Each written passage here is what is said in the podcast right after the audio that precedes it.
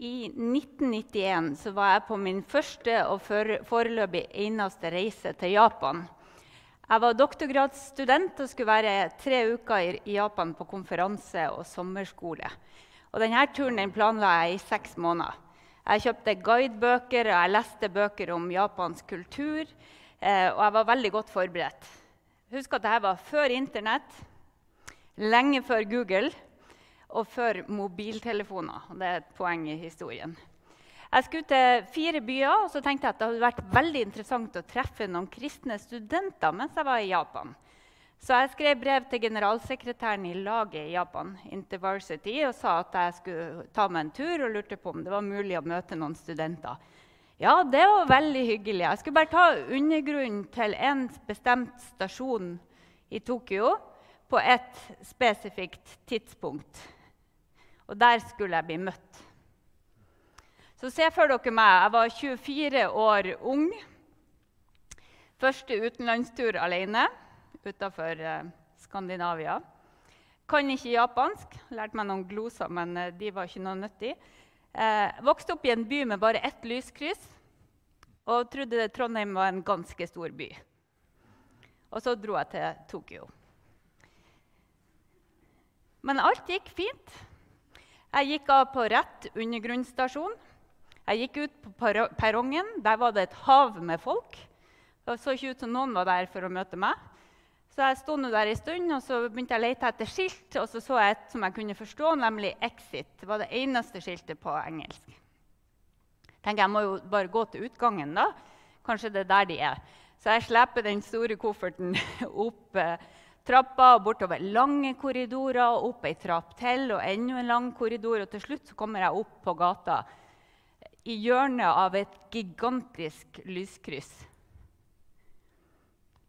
Og der sto det heller ingen for å møte meg. Jeg ante ikke hva jeg skulle gjøre, annet enn å sette kofferten foran meg og stille meg opp og, og håpe at noen skulle finne meg. Jeg følte meg veldig lite og alene. Jeg hadde ingen plan B. Jeg hadde ikke engang et telefonnummer å ringe. Og en time sto jeg der eh, før det kom en gjeng med unge jenter springende over gata og hoia og flira og peika. Da, jeg tror de var like letta som meg. En av dem kunne engelsk, og hun sa at dette er den åttende utgangen av de ni som vi har sjekka. De hadde gått fem kilometer rundt denne gigantiske undergrunnen for å finne meg. Eh, jeg hadde aldri vært i en undergrunnsstasjon før. Eh, jeg visste ikke at de hadde mer enn én utgang. Eh, ja, jeg skulle selvfølgelig ha blitt stående på den perrongen, og det fikk jeg jo høre flere ganger i løpet av dagen. Men de fant meg, og jeg var letta. Etter en hel dag sammen med studentene, med omvisning og bønnemøte og lagsmøte, og alt mulig, så fikk jeg beskjed om at jeg skulle overnatte hos ei dame som jobba på lagskontoret. Eh, for hun var den som bodde nærmest. Problemet var at hun kunne ikke et ord engelsk. Og jeg kunne som kjent ikke mer enn to gloser japansk. Men hun bare tok meg i armen og så leda meg ut av bygget, ned i undergrunnen, att og fram og inn til eh, leiligheta der hun bodde en halvtime unna. Og det var en kveld med 32 grader, ekstrem luftfuktighet, så svetten hadde rent hele dagen. Og jeg bare drømte om én ting, og det var en dusj. Men jeg kom til leiligheta, så ga hun meg en håndduk og så pekte hun på ytterdøra. Jeg skjønte jo ingenting. altså tok hun meg i armen igjen og så dro hun meg ut på gata. og Så gikk vi sikksakk gjennom bydelen til et uh, offentlig bad. For dama hadde ikke bad, hadde bare toalett i leiligheten. Uh, og dette var et sånt bad, som japanske bad. Er glitrende hvite fliser, og så er det mange basseng. Og så når jeg kom inn døra der, så jeg ante jo ikke hva man skulle gjøre. Og det var masse folk som kikka på meg, for jeg var jo en severdighet med mitt lyse hår. og Eh, jeg hørte jo ikke til i det hele tatt. Så hun, hun, pekte på meg at jeg skulle kle av meg, og så viste hun meg den dusjen på, som var én meter over gulvet. Og sa der skal du dusje, og så, og så skulle jeg opp i et basseng. Og det var helt fantastisk å dusje. Så jeg satt jo der på huk under denne dusjen og tenkte at her kan jeg bli værende. Men så skulle jeg opp i bassenget i lag med masse andre folk. Og så sank jeg ned i vannet, og så var det bare så Å, det her var deilig. Varmt, deilig vann. Men gleden varte ikke lenge. Hun begynte å peive. Jeg skulle opp av vannet, og så skulle jeg over i neste basseng. Og jeg var helt uforberedt på varmen, for det var kokvarmt. Og da kom det noen gloser ut av meg som tydeligvis var forståelig på japansk også, for alle begynte å råflire når jeg satt meg ned i det varme vannet. Og da, det, da, da, hørte jeg til. Da var det liksom den stemninga i det her badekaret. Men, men, det var ikke nok med det. Jeg skulle opp i et til.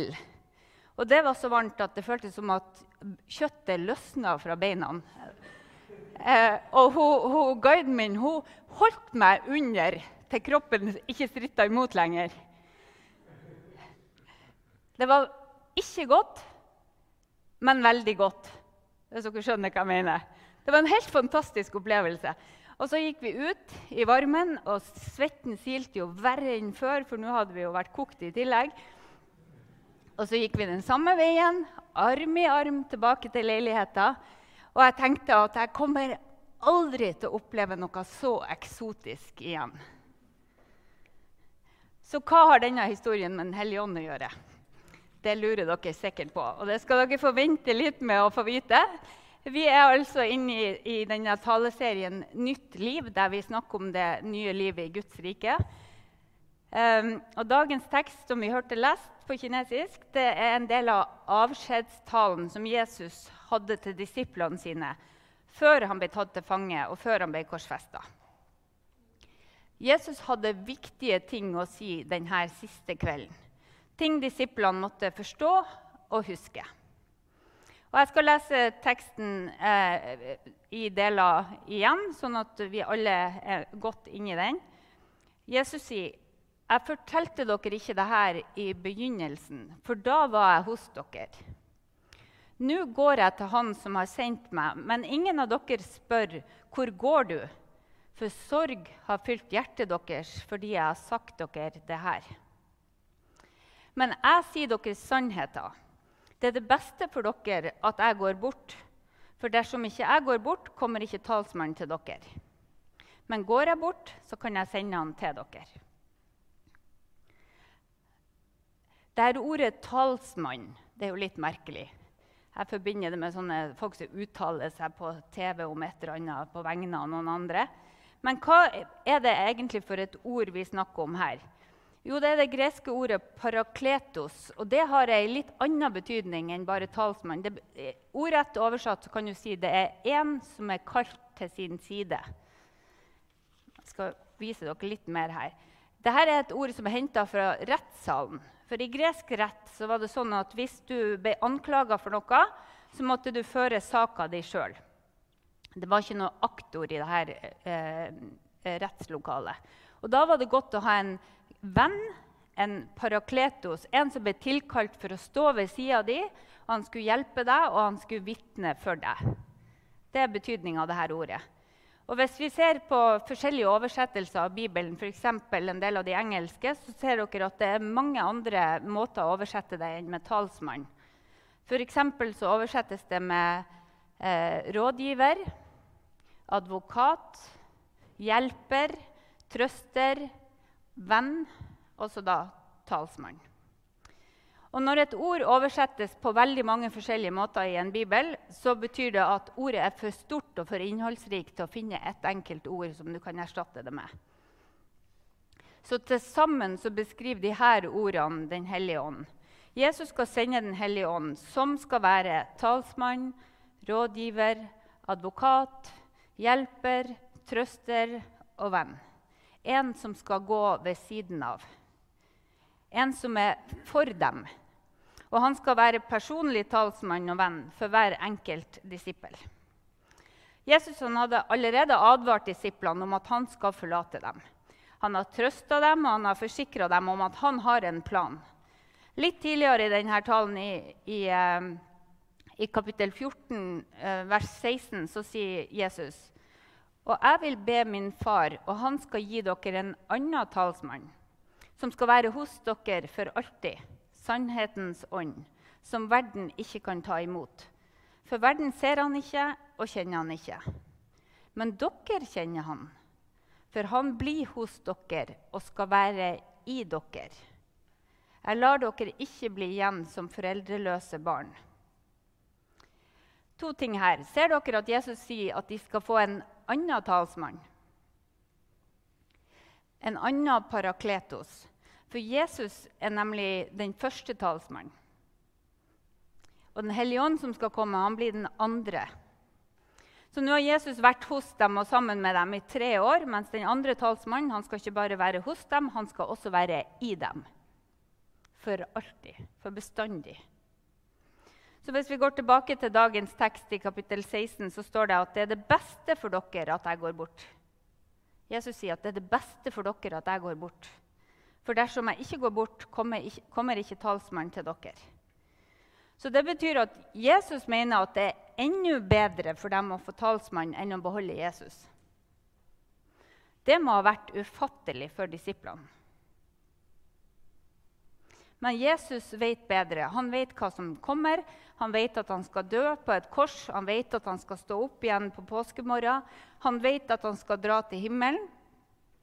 Så Jesus' et oppdrag på jorda det skal snart fullføres. Men disiplene de skal jo leve i mange år ennå, og de skal få et kjempestort oppdrag som vi markerer Kristi himmelfartsdag, nemlig å bringe Guds rike til hele verden. Gjøre alle mennesker til disipler. Og Jesus vet at hvis det skal være mulig, så trenger de hjelp. Ikke av en fysisk tilstedeværende og synlig Jesus som bare kan være én plass om gangen, men en som kan være alle steder til alle tider. En som kan være hos dem og i dem bestandig. Så Den tredje personen i treenigheten, Den hellige ånd, han får nå en avgjørende rolle i disiplene sitt liv. Og Hvis vi leser teksten videre, så står det hva Den hellige ånd skulle gjøre. Eh, Jesus sier, og når han kommer, så skal han gå i rette med verden og vise den hva synd er, hva rettferdighet er, og hva dom er. Synden er at de ikke tror på meg. Rettferdigheten er at jeg går til far, og dere ikke ser meg lenger. Dommen er at denne verdens fyrste er dømt. Og Husk at Jesus han sier det her før han skal korsfestes, før disiplene har forstått rekkevidden av det som skal skje de her neste dagene. De vet ikke helt hva som skal skje, og de vet i hvert fall ikke hva det betyr. Men når Ånden kommer, Den hellige ånd kommer, så skal han gå i rette med verden og vise den hva synd er, hva rettferdighet er, og hva dom er. Og Dette er også ord som er henta fra rettssalen. Jeg vet ikke om dere liker å se på sånne, lese bøker eller se filmer med rettssaker. Sånn, sånn advokatdrama. Det syns jeg er kjempeinteressant. For ideen bak det er jo at rettferdigheten skal seire, at sannheten skal frem, at den skyldige skal dømmes, og de uskyldige skal gå fri. Og så er det utrolig frustrerende hvis det ikke skjer. Så når Jesus sier at Ånden skal gå i rette med verden og vise den hva synd er, rettferdighet er og dom er, så kan vi tenke oss at det er en rettssak, og så tar den her eh, Parakletos, Den hellige ånd, han tar gulvet, og så sier han eh, til den tiltalte som er verden den gudløse verden er tiltalt. Og så står aktoren der, eh, Den hellige ånd, og så sier han Han åpner foredraget sitt med Jeg skal bevise at verden tar feil på vesentlige punkter. Dette handler om synd, rettferdighet og dom. Her tar verden helt feil. Og Så skal han legge fram bevis etter bevis for hva som er sant, akkurat sånn som en aktor ville gjort i en rettssak. Så talsmannen skal altså avsløre verden sine misforståelser og løgner og konfrontere den med sannheten. Han skal vise hvor verden tar feil, og forklare det som er sant og rett. Akkurat sånn som Jesus har gjort opp til nå. Og I tillegg skal Den hellige ånd eh, forklare hva som skal skje i Jerusalem de neste dagene. Og Nå har jo Jesus gitt disiplene en stor dose med ting å tenke på. Og så sier han Ennå har jeg mye å si dere, men dere kan ikke bære det ennå.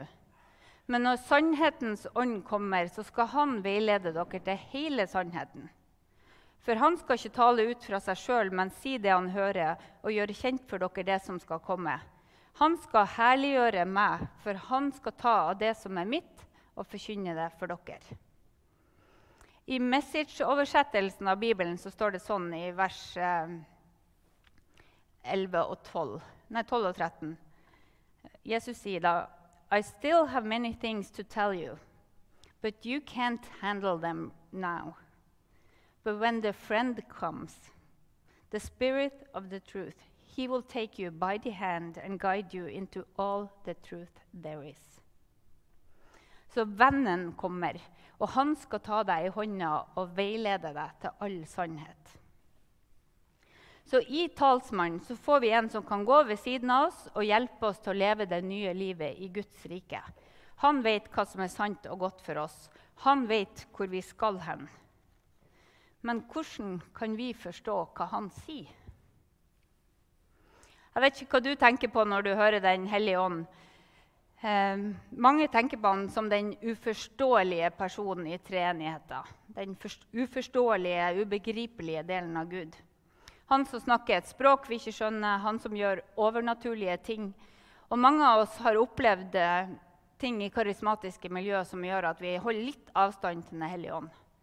Jeg hadde et sånt møte når jeg var 16 år. der det var, en, det, det var veldig flott stemning og veldig flott lovsang. Men så på slutten av møtet så begynner folk å dette i gulvet. sånn, De bare datt som stokker i gulvet. Og så sto det en taler og så tok han mikrofonen og så sier han, 'Han er død! Han er død!' og så reiste han de opp fra de døde, og så var alt i orden. Men det var, det var helt gruelig for en 16-åring å se på. Skjønte ingenting og tenkte at det her skal jeg holde meg langt unna. For ikke snakke om at pappa sa at du får aldri lov å gå på sånne møter hvis det er sånt de holder på med. Nå var han svensk, han predikanten, sa jeg det. Det var veldig sånn trøkk på det. Det var helt uforglemmelig. Eh, så det var mitt, min bagasje som jeg måtte liksom bearbeide og bli kvitt. Så det er litt ironisk at jeg snakker om Den hellige ånd. Men for andre av dere så er jo Den hellige ånd synonymt med kraft og liv. Du erfarer at han snakker til deg. Noen av dere får bilder og budskap og tungetale og tydning fra Den hellige ånd. Du kan oppleve intens glede og fred med Den hellige ånd. Og for mange, andre er, mange av oss er jo Den hellige ånd en plass imellom. Også for meg. Men Jesus sier at det er det beste for oss at Den hellige ånd kommer.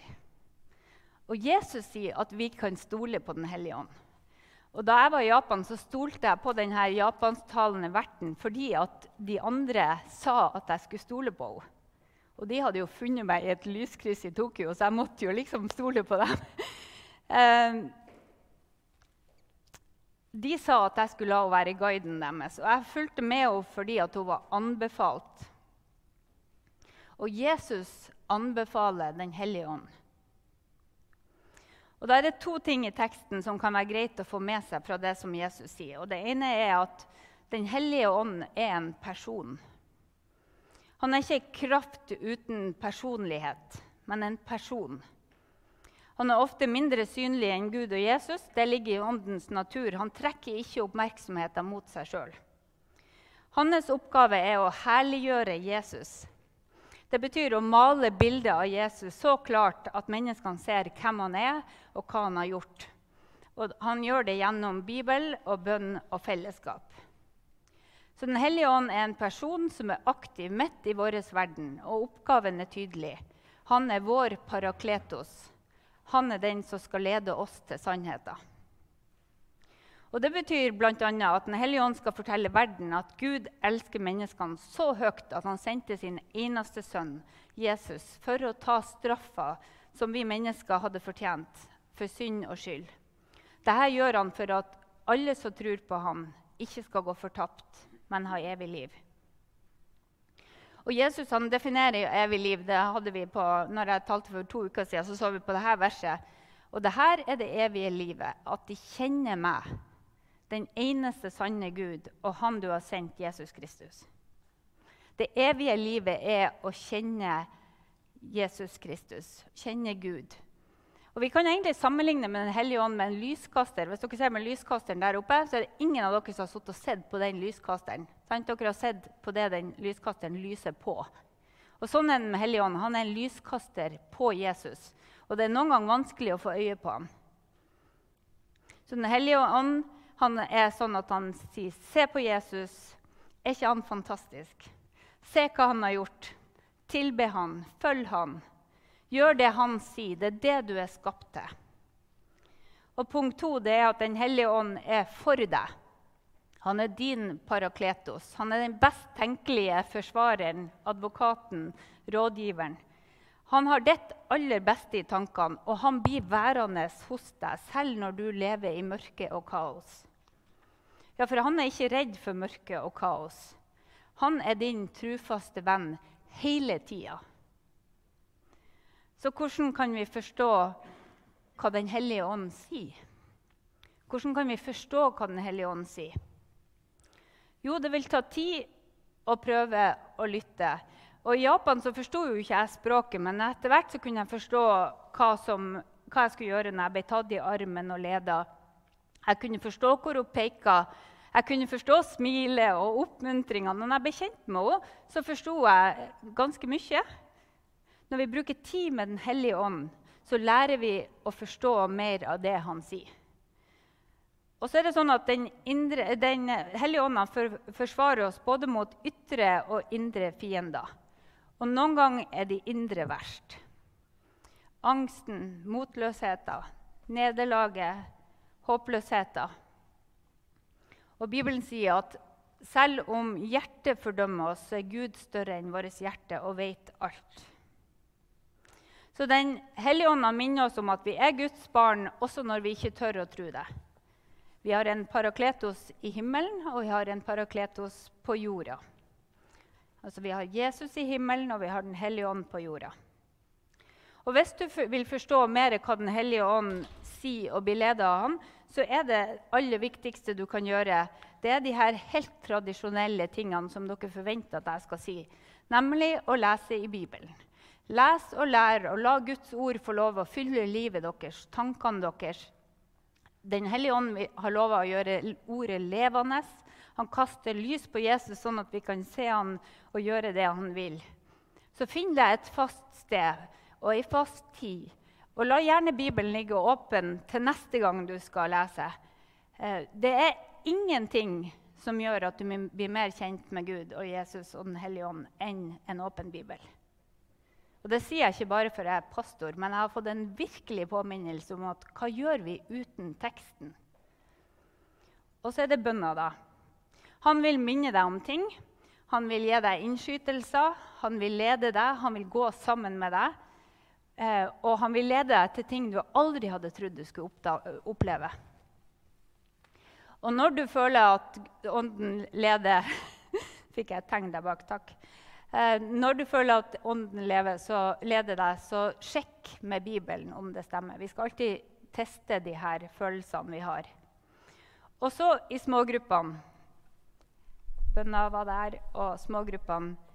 Eh, ha noen andre kristne som kjenner deg, som kjenner deg og Den hellige ånd, sånn at du kan sjekke dine innfall mot deres visdom. Og så kan dere lytte til Den hellige ånd sammen og be sammen. Og Noen dager så føles det jo som om Den hellige ånd leder veldig tydelig. Og Andre ganger så kan man føle seg forlatt som i et lyskryss i Tokyo, der ingen vet at vi trenger hjelp til å bli funnet. Men Den hellige ånd han er alltid for oss. Han forsvarer oss, han går sammen med oss som en bestevenn. Han gjør det ikke for at vi skal gjøre det vi vil. Han gjør det for at vi skal gjøre det Gud vil. Så livet med Den hellige ånd er et liv i tillit, time for time, dag for dag. Henry Nowen har sagt det sånn som det her. Eh, åndelig modenhet er ikke å vite hva vi skal gjøre med hele livet vårt men å vite det neste vi skal gjøre. Åndelig modenhet er ikke å vite hva du skal gjøre med hele livet ditt, men å vite det neste du skal gjøre. Jeg syns det er kloke ord. Eh, det er det vi får hjelp til. Og I Efeserne 3,16 skriver Paulus denne fantastiske bønna som dere eh, må be så ofte dere kan. Eh, han sier det sånn må Han som er så rik på herlighet, gi deres indre menneske kraft og styrke ved sin ånd. Må Kristus ved trua bo i deres hjerter, så dere kan stå rotfesta og grunnfesta i kjærlighet. Må dere sammen med alle de hellige bli i stand til å fatte bredden og lengden, høyden og dybden, ja, kjenne Kristi kjærlighet som overgår all kunnskap. Må dere bli fylt av hele Guds fylde. Og Han som virker i oss med sin kraft og kan gjøre uendelig mye mer enn vi ber om og forstår. Han være ære i kirka og i Kristus Jesus gjennom alle slekter og evigheter. Amen. Skriv Paulus. Så Den hellige ånd han er altså vår best tenkelige venn. Vår best tenkelige advokat og rådgiver og hjelper. Men det betyr også at noen ganger så er han mot deg for deg. Så er han mot deg for deg. Og Hvis jeg blir veldig opptatt av noe som trekker meg bort fra Gud, så noe som jeg ikke burde gjøre, eller noe jeg gjør altfor mye av, eh, så blir jeg ofte advart. Og noen ganger blir jeg advart i alle kanaler. Jeg ser det når jeg leser Bibelen, når jeg hører på podkast, når jeg ber, når jeg snakker med andre. Så jeg merker det mange ganger sånne advarsler som sier 'brems', 'stopp', 'snu'. Og når jeg da åpner Bibelen, så hender det at vers etter vers minner meg om det samme. Og Noen ganger så bruker jeg å bla over et helt kapittel, og tror du ikke det dukker opp igjen i det neste som jeg kommer til. Det kan være skikkelig frustrerende, og særlig hvis det begynner å komme sanger som sniker seg inn og blir gående i hodet, som minner deg om akkurat de samme tingene. Sånne stadige hint. Dette er Guds ånd i arbeid, i hvert fall i mitt liv. Han tar meg i armen, og så bremser han meg. Dattera mi har vanskeligheter med å gå. Eh, eh, tok lenge for å lære seg å gå, men hun går veldig stødig på flat mark. Men når vi skal nedover bakke, så trekker tyngdekrafta henne så fort at hun bruker å ta meg i armen og så sier hun, jeg må bare ha hjelp til å bremse meg litt. Det er akkurat sånn Den hellige ånd opererer i mitt liv. Han, jeg må ha hjelp til å bremse meg litt, og han vet det, så han tar et tak, sånn at vi ikke snubler og stuper nedover bakken. Eh, og jeg har en mistanke om at jeg får langt flere påminnelser og advarsler enn jeg er i stand til å høre. Jeg er så utrolig takknemlig de gangene Den hellige ånd bremser meg eller stopper meg eller ber meg om å snu 180 grader og gå tilbake. For han vet hva vi trenger. Han vet hva som foregår. Han vet hva som er Guds beste for oss. Han er for oss, og noen ganger er han mot oss for oss sånn at han kan hjelpe oss til å leve trufast til stede i Guds rike, sånn som vi snakka om for to uker siden. Så se deg rundt.